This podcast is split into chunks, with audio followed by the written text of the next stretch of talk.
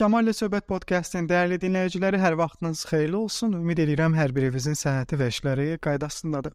Bu gün sizinlə barəsində kifayət qədər fikir ayrılıqları olan bir mövzu ilə bağlı danışacağam, hansı ki, satışda büdcə məsələsidir. Yəni bəzi ə, təlimçilər, satış sahəsində təcrübəsi olan insanlar deyirlər ki, müştəridən büdcə soruşmaqda fayda var. Çünki biz müştəridən büdcə soruşanda müştərinin vaxtına, öz vaxtımıza və enerjimizə qənaət eləmiş oluruq və biz bilirik ki, müştəri konkret nə istəyir, nə ala bilər və biz də ona uyğun hərəkət etməyə çalışırıq. Mənim fikrim tamam bu fikrin ziddinədir. Mən həmişə müştəridən büdcə soruşmağın əleyhinə olmuşam. Bu mənim satış praktikamda özüm doğruldub, düşüncələrimdə özüm doğruldub. Çünki bilirsiniz necə insanın düşüncəsi, fikirləri elə olmalıdır ki, o onu daima irəli getməyə sövq eləsin və daha çox satış eləməyə sövq eləsin. Hansı ki, büdcə soruşmamaq lazımdır düşüncəsi də məndə buna səbəb olub. İndi mən fikirlərimi əsaslandırmağa çalışacağam və sizdən də xahişim ondan ibarətdir ki, sosial media platformaları üzərində artıq yəqin ki, məni izləyirsiniz. Oradan ə, öz düşüncələrinizi də mənimlə paylaşmağınız mənim üçün çox əhəmiylidir. Görüm siz nə fikirləşirsiniz axı? Yəni büdcə soruşmaq lazımdırmı yoxsa yox? Büdcə soruşmaq lazım deyil. Birinci səbəbi nədir? Baxın, ə, mən illərlə görmüşəm ki, 90-95% ehtimalda insanlar heç vaxt amma heç vaxt sizə öz büdcələrini olduğu kimi deməyəcəklər. Yəni bu adam gəlir mağazaya. Bu adam təlimə qoşulmaq istəyir. Bu insan təlim götürmək istəyir. Bu adamın o məhsulu almağa kifayət qədər pulu var, amma sən ondan büdcə soruşanda o sənə az deyəcək. Çünki müştəri psixoloji olaraq bilir ki, o sənə büdcəni çox desə, nə olacaq? Sən ona bahalı məhsul satmağa çalışacaqsan, sən ona artıq yəni e, satış eləməyə çalışacaqsan, hansı ki müştəri onu sevmir. Elədir? Müştəri nəyi xoşdur? Müştəri istəyir ki, satış adamı ona sual versin, onu dinləsin diqqətlə və onu anlasın. Və bunu biruzə versin müştəriyə. Müştəri istəmir ki, sən ancaq ona e, təqdimat eləyəsən, satasan, satasan, ondan qaçmağa çalışırlar. Ona görə də konkret olaraq büdcə verib, büdcə deyib səni limitləyir ki, yəni mənə ancaq bunu göstər, alıb çıxıb gedirəm. Müştəri özü qaçır o prosesdən. Sevmir onu. Yəni müştəri yalan danışır çox vaxtı. Müştəri sizə heç vaxt büdcəsini olduğu kimi deməyəcək. Ya yenə də qeyd edirəm, o adamın cibində 100 manat varsa, o sənə sən ondan büdcə soruşsan, deyəcəm mənim 50 manatım var.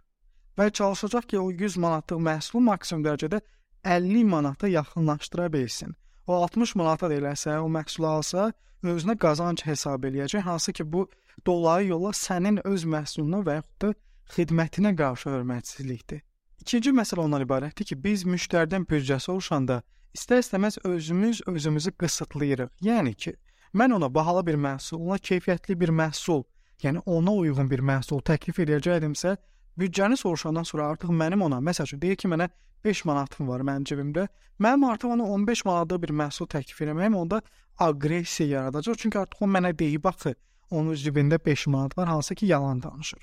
İndi satış adamı olaraq sənin və mənim məqsədim nədir? Müştəridə problem müəyyən etmək, həll yolu təklif etmək və yeri gələndə keyfiyyətli bir məhsul satmağa çalışmaqdır. Çünki müştəri çox çox hallarda özü də nə istədiyini bilmir. Hansısa insanların ə, təsir altına düşür, deyir ki, mən məhsuluna ehtiyacım var, amma və lakin sən sual verdikcə, problem müəyyən etdikcə, problemin onun həyatına, ə, işinə, təhsillərinə müəyyən etdikcə aydın olur ki, və həmin müştərinin özünə də fərqindəlik yaradırsan ki, onun ehtiyacı olduğu A məhsulu deyil. Onun ehtiyacı olduğu C məhsuludur. Hansı ki, A məhsulunu biraz onun qiyməti daha yuxarıdır, elədir? Və sən onda fərqindəlik yaratdıqca və büdcə soruşmadıqca müştərinin özü deyir ki, "Okay, heç mən bilmirdim ki, bunun ə, e, mənim həyatımda əhəmiyyəti bu qədərdir." Yəni mən buna 50 manat büdcəmi necə deyə bilərəm? Ondan sonra üzərinə biraz da pul qoyum, daha yaxşısını alım. Və heç vaxt unutmamaq lazımdır ki, e, yəni bizim satış adamı olaraq düşüncəmiz birbaşa olaraq bizim hərəkətlərimizə yansır. Yəni mən özümdə elə bir düşüncə formalaşdırmalıyam ki, mən özümdə elə bir inanc yaratmalıyam ki, o məni daha çox satış eləməyə və daima pozitiv olmağa, işimə məsuliyyətli yanaşmağıma kömək eləsin. Yəni müştəridən büdcə soruşmaq məni qısıtlayır. Mənim keyfiyyətli məhsullarım qalır o biri tərəfdə. Mən artıq məcburam ki, müştərinin qayda-qanunu altında hərəkət edeyim və belə olanda nə olur? Belə olanda mən heç müştəriyə də normal fayda qata bilmirəm. Çünki mən axı kifayət qədər sual verməmişəm. Üçüncü və sonuncu nüans ondan ibarətdir ki, büdcəm filan qədərdir e, sözü və ya da cümləsi o deməkdir ki, o müştərinin pulu yoxdur.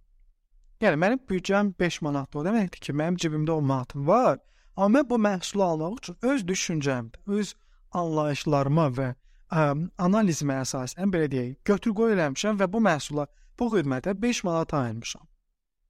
Və sən mənə kifayət qədər səbəb versən, mən bu 10 manat ki var, 5 manatını ayırmışam hansı ki, yerdə qalan 5 manatdan 1-2-3 manat onun üstünə əlavə eləyib o məhsulu ala bilərəm.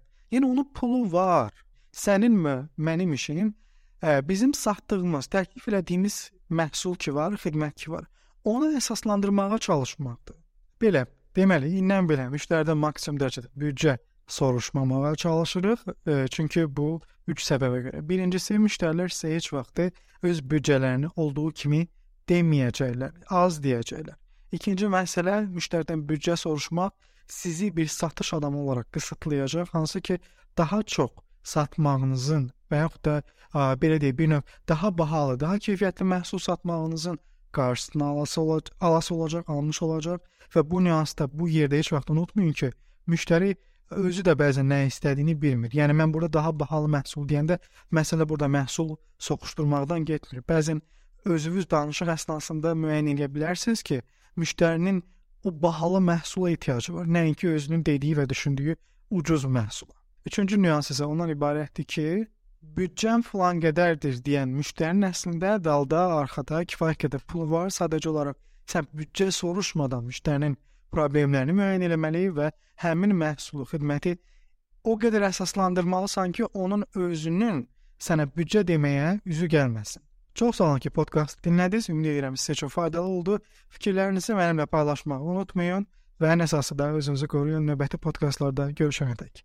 Hələlik.